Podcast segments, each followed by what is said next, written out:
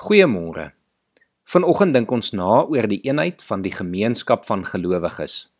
Ons weet dat die bedoeling van God nog altyd was dat daar eenheid moet wees tussen medegelowiges.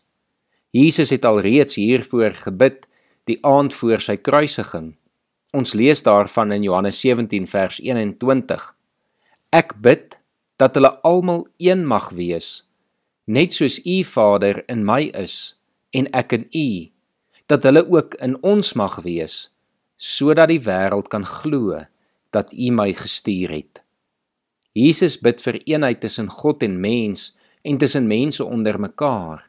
Dit is tog net logies dat ons een sal wees as ons almal kinders van God is en dieselfde Gees in ons woon.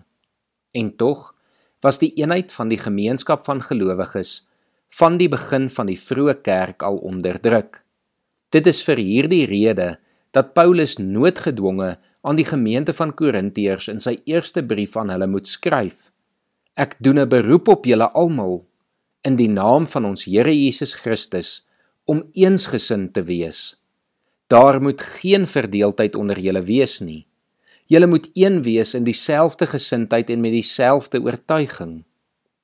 Paulus sou nie hierdie hoefte geskryf het as van die mense nie alreeds kante gekies het tussen apostels en gunsteling predikers gehad het nie.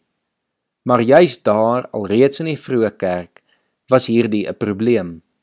Paulus probeer hulle herinner dat ons een God aanbid en almal die Here Jesus as ons verlosser bely en dat sy gees in ons woon. En daarom kan daar nie verdeeldheid onder ons wees nie. Miskien het Paulus hierdie beginsel die beste verwoord in sy brief aan die Efesiërs in hoofstuk 4 vers 1 tot 16 en ek lees dit vanoggend vir ons voor. Ek druk dit julle op die hart, ek wat 'n gevangene is omdat ek die Here dien. Laat julle lewenswandel in ooreenstemming wees met die roeping wat julle van God ontvang het. Wees altyd beskeie, vriendelik en geduldig en verdra mekaar in liefde.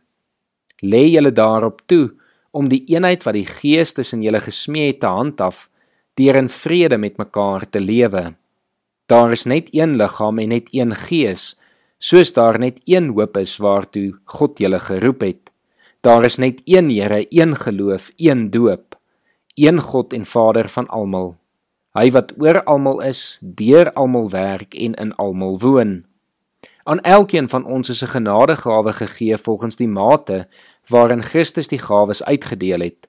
Daarom sê die skrif, toe hy na die hoogte opgevaar het, het hy kruisgevangenes saamgeneem en gawes aan die mense gegee. Hierdie uitdrukking hy het opgevaar, veronderstel tog dat hy eers neergedaal het na wat laer is, naamlik na die aarde toe. Die een wat neergedaal het, is ook die een wat opgevaar het bo alle hemelruimtes uit, om alles met sy teenwoordigheid te vul. En dit is die gawes wat hy gegee het: apostels, profete, evangeliste en herders en leraars. Sy doel daarmee was om die gelowiges toe te rus vir hulle diens en vir die opbou van die liggaam van Christus. So sal ons uiteindelik almal kom tot die werklike eenheid in ons geloof en in ons kennis van die seun van God. Dan sal ons, sy kerk, soos 'n volgroeide mens wees, so volmaak en volwasse soos Christus dan sal ons nie meer kinders wees nie. Ons sal nie meer soos golwe op en af en heen en weer geslinger word deur elke wind van dwaalleer as vals leraars ons met hulle slinksheid en listigheid op dwaalweë wil wegvoer nie. Nee, ons sal in liefde by die waarheid bly en so in alle opsigte groei na Christus toe. Hy is immers die hoof en uit hom groei die hele liggaam. Die verskillende liggaamsdele pas by mekaar en vorm same eenheid. Elkeen van hulle vervul sy funksie en so bou die liggaam homself op in liefde. Ek wil vir jou vandag uitdaag om iets te doen om seker te maak dat die eenheid van die kerk weer 'n stap in die regte rigting beweeg, dat ons nader aan mekaar sal beweeg. Jy kan dalk vandag in gesprek tree met iemand van 'n ander denominasie en sommer net lekker oor die Here gesels. Onthou, ons moet in liefde by die waarheid bly en so saam na Christus toe groei. Kom ons bid saam. Here, dankie vir u gebed dat U alreeds duisende jare terug gebid het dat ons een sal wees, een met U, maar ook een met mekaar. Here kom help ons hiermee. Kom help ons om eensgesind te wees. Kom help ons om in liefde by U te bly, Here, sodat ons nie met ons menslikheid op die ouende verdeeldheid sal veroorsaak nie.